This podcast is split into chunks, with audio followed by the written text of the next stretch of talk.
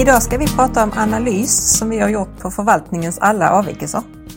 När vi gör det så använder vi oss av verksamheternas analyser som de har gjort på verksamhetsnivå och de i sin tur har ju använt varje enhetschefs analys. Ja, och sen den här förvaltningsövergripande analysen den görs ju av oss, SASA och MASA och MAR. Och sen är det verksamhetscheferna som godkänner underlaget och eh, beslutar om åtgärder. Mm. Och under 2022 så rapporterades det 8569 avvikelser. Mm, och det var 11 procent mer än året innan. Mm. Och på förvaltningsnivån så är det fördelat mellan HSL och SOL 80-20. Mm. ja, precis, vilket innebär att SOL-avvikelserna, SOL-LSS-avvikelserna har ökat med 3 procent. Ja. Det är bra. Mm, och de vanligaste avvikelserna är läkemedel och fall som tillsammans utgör 66 procent av de totala avvikelserna. De ligger på topp varje mm. år. Inom SOL LSS är den största kategorin trygghet följt av fall, personlig vård och hot och våld. Och sen de flesta hot och våldhändelserna har skett inom funktionsstöd har vi sett. Mm. Mm. Och cirka 2% 177 stycken eh, av alla händelser har bedömts som betydande eh, eller allvarliga. Och 36 av dessa har utretts i Lex gruppen och 8 har anmälts till IVO. Och det är ingen, eh, ingen som har blivit någon lex Maria. Nej.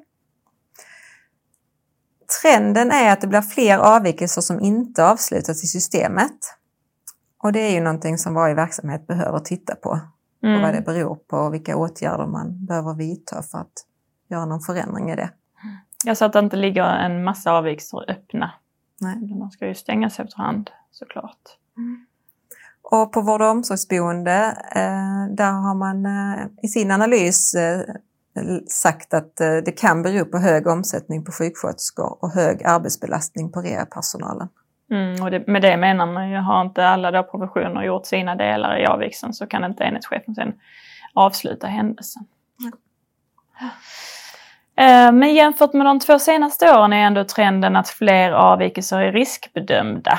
Och med det menar vi ju att man, man ska ju bedöma allvarlighetsgraden och sannolikheten för att det ska upprepas. Så det är ju enhetschefen och legitimerad personal som ska göra detta. Och det är kul att se att det blir bättre. Mm. Vi har fortfarande många avvikelser som inte följs upp och utvärderas.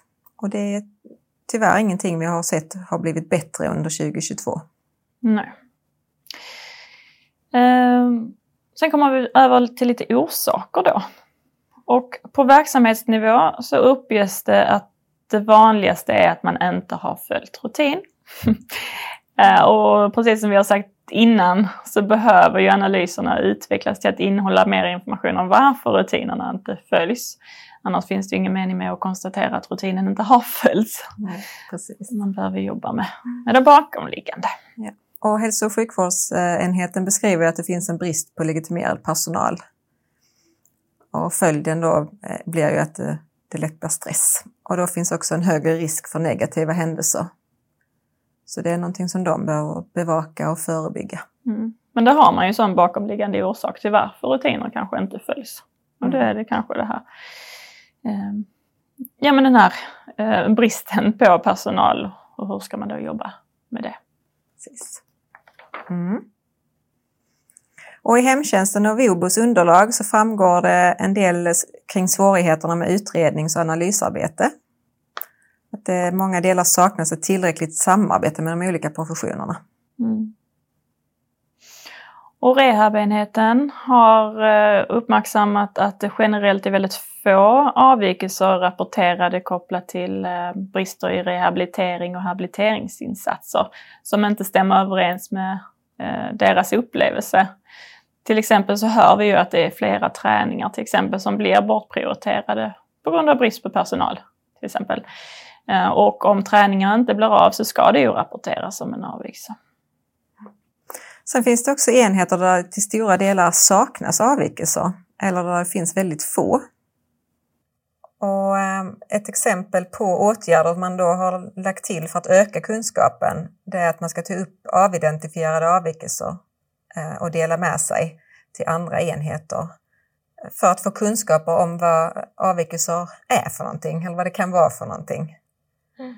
Och det är också verksamheter som skickar ut månadsutskick med frågor från avvikelsesystemet. Jag tycker just den här frågan är ganska viktig och nu som vi såg i Riksrevisionens rapport eh, som de har gjort kopplat till Lex Sara och Lex Maria, där lyfter de fram det här, de kommuner som inte anmäler Lex Sara och Lex Maria till IVO. Där tänker de att man behöver fokusera på åtgärder. För att de här kommunerna menar man att de kanske inte har kommit igång med det systematiska kvalitetsarbetet. Och det är liksom här, de här enheterna som inte har några avvikelser det behöver vi alltså, fördjupa oss i. Vad, vad, det, vad beror det på? Mm. Precis. Mm. Och inom digital utveckling så har man sett att det saknades rutin för batteribyte i Fonerolåsen. Så där har man förtydligat i rutinen. Mm. Så lite åtgärder då. Eh, vi tänker oss att eh, stöd fortsatt behövs för att eh, få igång det här med hur man analyserar de bakomliggande orsakerna till varför rutiner inte följs till exempel. Ehm, både kunskaper behöver utvecklas men också hur, om vi på något sätt kan få vårt system att hjälpa oss på traven. Mm. Så vi funderar nu på att under 2023, 2023 Ehm, om vi ska ha någon form av workshop eller utbildning kopplat till det här området. Och vi har ju redan nu kommit igång med en utvärdering av vårt system. Alla har ju fått ut en enkät som man ska besvara och sen så kommer vi ha lite grupp, grupper kring det för att kunna göra systemet ännu bättre. Det är bra. Eh, och det eh, har gjorts en översyn av rutinen för verkställighetsmöte och den var ju ute, det nya arbetssättet där var ju ute på remiss under några månader i de olika verksamheterna. Och nu är den ändrad och namnet är bytt till teammöte. Så det här namnbytet tänker vi då ska generera en stor effekt i verksamheten? Nej, Nej det är inte så vi menar. Men det, det kan vara bra att veta att det har skett ett namnbyte och sen så har det ju skett lite förändringar i rutinen. Precis. Så det hoppas vi kan mm medföra något gott.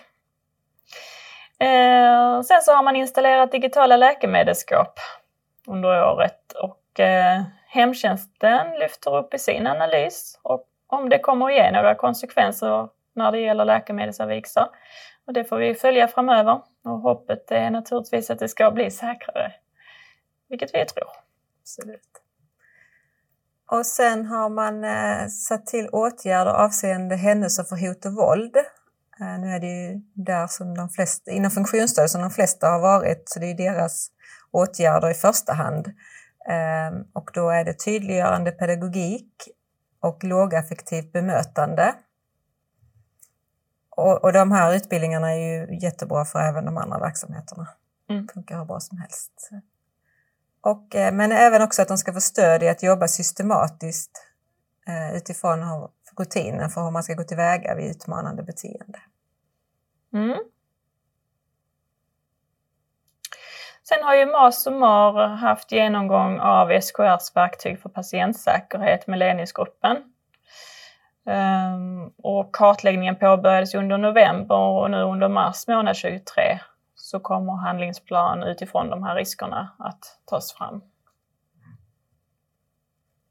Och sen ska det ske ett fortsatt arbete för att synliggöra och sprida goda åtgärdsexempel mellan enheter och verksamheter. Mm. I alla fall så ser vi att vi behöver ha ett fortsatt arbete kring det. Eh, flera verksamheter nämner att det har skett ett förbättringsarbete på kvaliteten i de här kvartalsanalyserna på enhetsnivå som man gör. Och det framgår att det börjar finnas goda exempel på utvärderingar av tidigare genomförda åtgärder som haft effekt. Och både VOBO och hemtjänst nämner att eh, fortsatt arbete med utvärdering av åtgärders effekter ska fortsätta under 2023. Mm. Och i samband med införandet av Leifka HSL som sker nu under 2023 så öppnas möjligheten för digital signering av HSL-åtgärder över hela förvaltningen. Och förvaltningsövergripande eh, arbete sker också avseende fallförebyggande åtgärder. Kommer att fortsätta ske under 2023 genom att se över rutiner och stärka arbetssätt med vårdpreventiva åtgärder och förebyggande arbetssätt.